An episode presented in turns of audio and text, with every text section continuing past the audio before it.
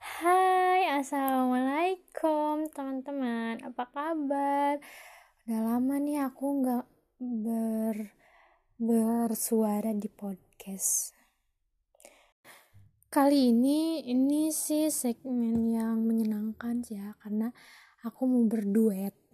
Niatnya, niatnya mau berduet gitu mau uh, featuring sama teman. Tapi karena temen akunya nggak pede ngomong di podcast, tapi dia tuh udah bikin pertanyaan gitu ya 10 bagus-bagus pertanyaannya menarik buat dijawabin buat ngasih inspirasi buat kalian semua.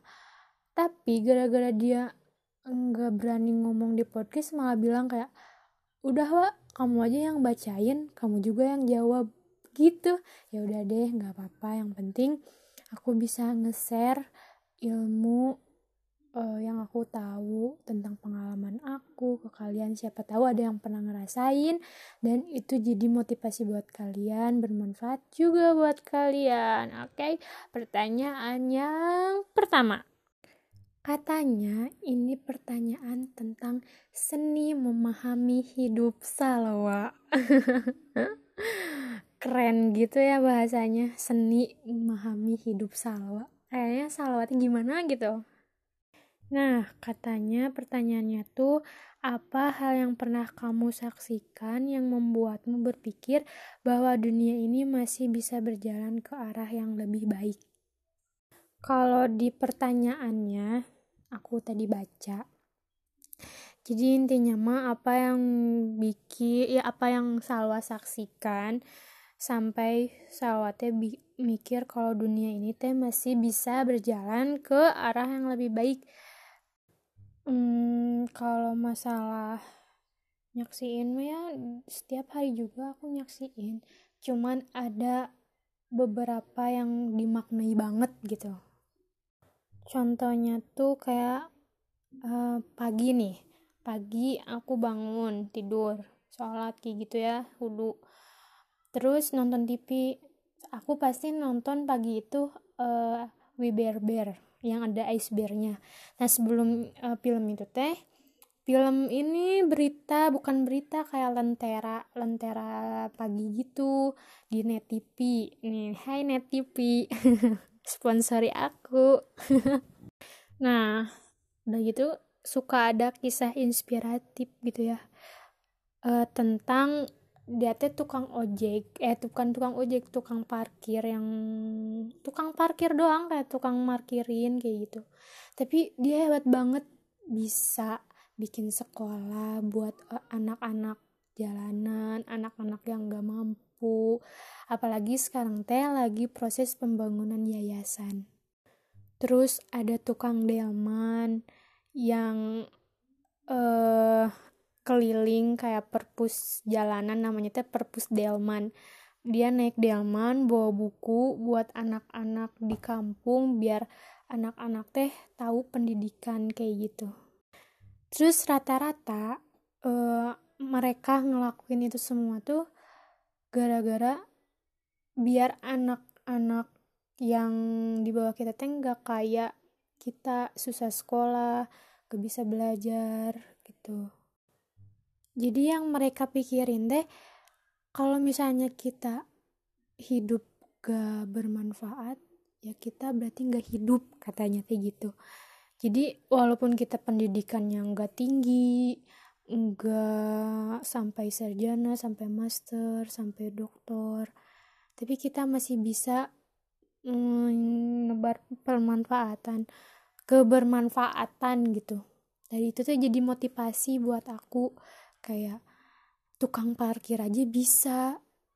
Tukang delman aja bisa lah. Aku yang dikasih kecukupan sama orang tua dikasih uang sama orang tua dikasih pendidikan sama orang tua.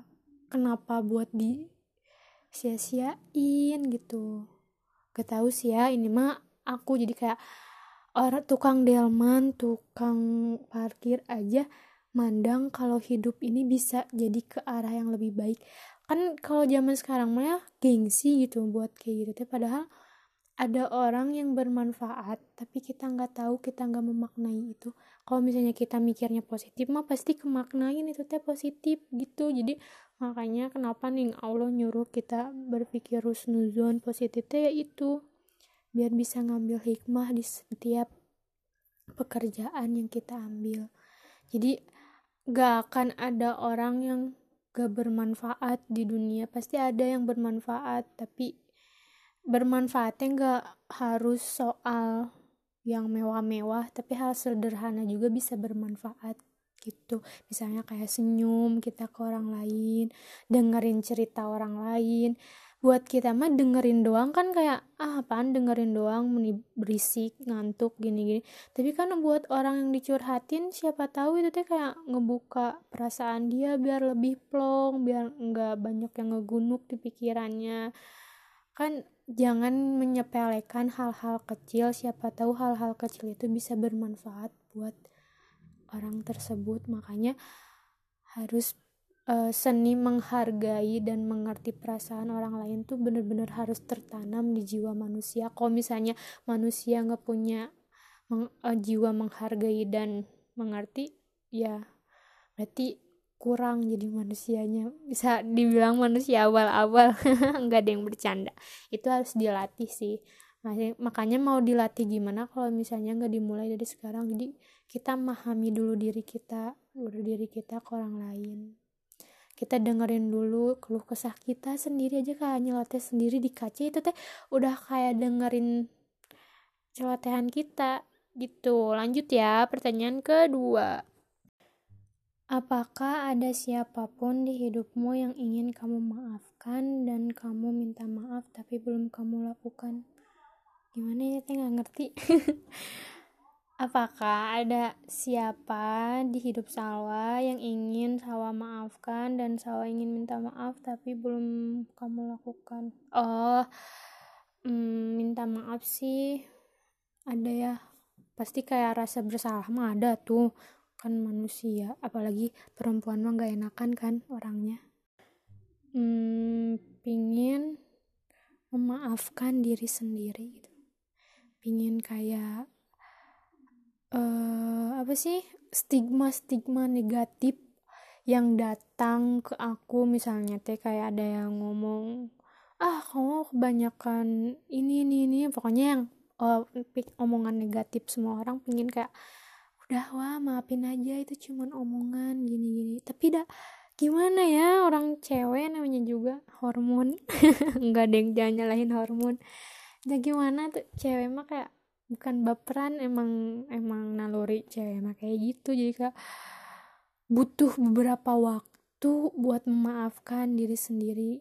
Kayak aku mah kadang ini mah jujur kadang suka nggak nerima kenapa sih sawah kayak gini kelakuannya? Kenapa sih sawah gini, gini, tapi harusnya kita harus mencintai diri sendiri harusnya mah aku tahu kita harus mencintai diri sendiri. Kayak maafin masa lalu masa lalu kita maafin sifat-sifat kita maafin gini tapi dia gara-gara rasa bersalah itu.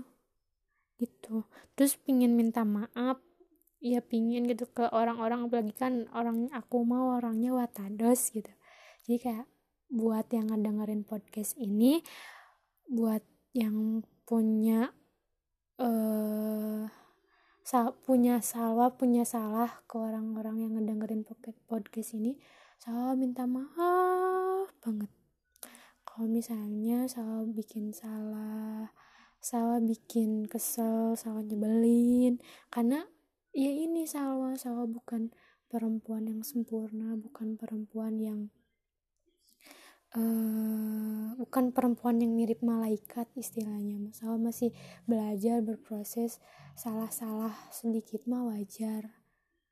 Yang yang sulit itu kan memaafkan ya kalau misalnya orang lain yang punya salah ke Salwa sama nggak pernah mikirin itu bener-bener jadi ya udah we ya udah gitu ya udah udah lanjut pertanyaan ketiga apa hal penting yang gak akan membuatmu menyerah? Mimpi sih. Karena aku orangnya pingin banget ini, pingin banget itu. Jadi kalau misalnya gak kecapai itu kayak, eh gitu ya. Makanya harus bener-bener diperjuangkan. Soalnya aku tahu kalau aku orangnya kekeh harus pok tarolong kalau Sundanya mah. Jadi kalau misalnya nggak di ke kecapai aku pasti kayak gak mau gak mau kenal gitu. Jadi bener-bener harus diperjuangkan supaya diri ini batin ini tidak merasakan hal-hal yang negatif. Jadi bahagia we. Karena bahagia itu sederhana. Jadi aku men nikmatin prosesnya tapi diperjuangkan nih ngeluh ngeluh gitu mah wajar cuman yang gak wajar teh nyerah kayak ngeluh-ngeluh ah gitu itu mah aku sering banget tapi ngeluhnya ya udah eh, tapi tetap diperjuangin gitu cuman ngeluh doang. Lanjut per eh per pertanyaan keempat aku ngejawabinnya sampai lima aja ya ini banyak banget. Ih 10 pertanyaannya kayak gitu lagi nyebelin banget temen teh. Apa hal paling spontan yang pernah kamu lakukan dalam hidupmu? Hmm, sifat kekanak-kanakan. Gak tahu gitu kayak sifat kekanak-kanakan aku yang muncul spontan dan kalau misalnya aku bilang iya aku nggak akan lagi uh, mau dewasa mau dewasa gini gini. Tapi pasti gue ada sifat anak-anakannya teh gitu. Makanya kayak hmm teh itu yang nggak bisa aku terima tapi aku harus nerima gitu. Lanjut pertanyaan kelima terakhir apa yang paling kamu sukai dan apa hal yang bernilai yang sudah kamu lakukan uh, dengan itu? Hmm, kalau misalnya yang paling aku suka itu kayak uh, ngobrol bareng share-share ilmu kayak pengalaman gitu. Itu paling seneng makanya aku mau kalau misalnya diajak kajian kayak gitu teh seneng walaupun ngantuk juga kayak seneng we. Kayak dapet teman lagi temen teh gitu itu aja terus hal yang bernilai yang udah aku lakuin dengan itu semuanya juga bernilai. Kalau misalnya ada yang bikin gak sesuai dengan ekspektasi pasti di situ ada nilainya. Jadi yang uh, aku mah jadi mikir gini apa pun yang dikerjain Salwa pasti ada hikmahnya. Mau itu jelek mau itu bagus pasti ada hikmahnya. Jadi bernilai nilainya itu aku harus mikirin dulu aku ngelakuin ini apa sih ada hikmahnya dan hikmahnya teh jadi nilai gitu. Ya udah sekian ya. Makasih ya buat yang bikin pertanyaan yang bikin aku pusing dan kayak orang gila nyanyi sendiri jawab sendiri.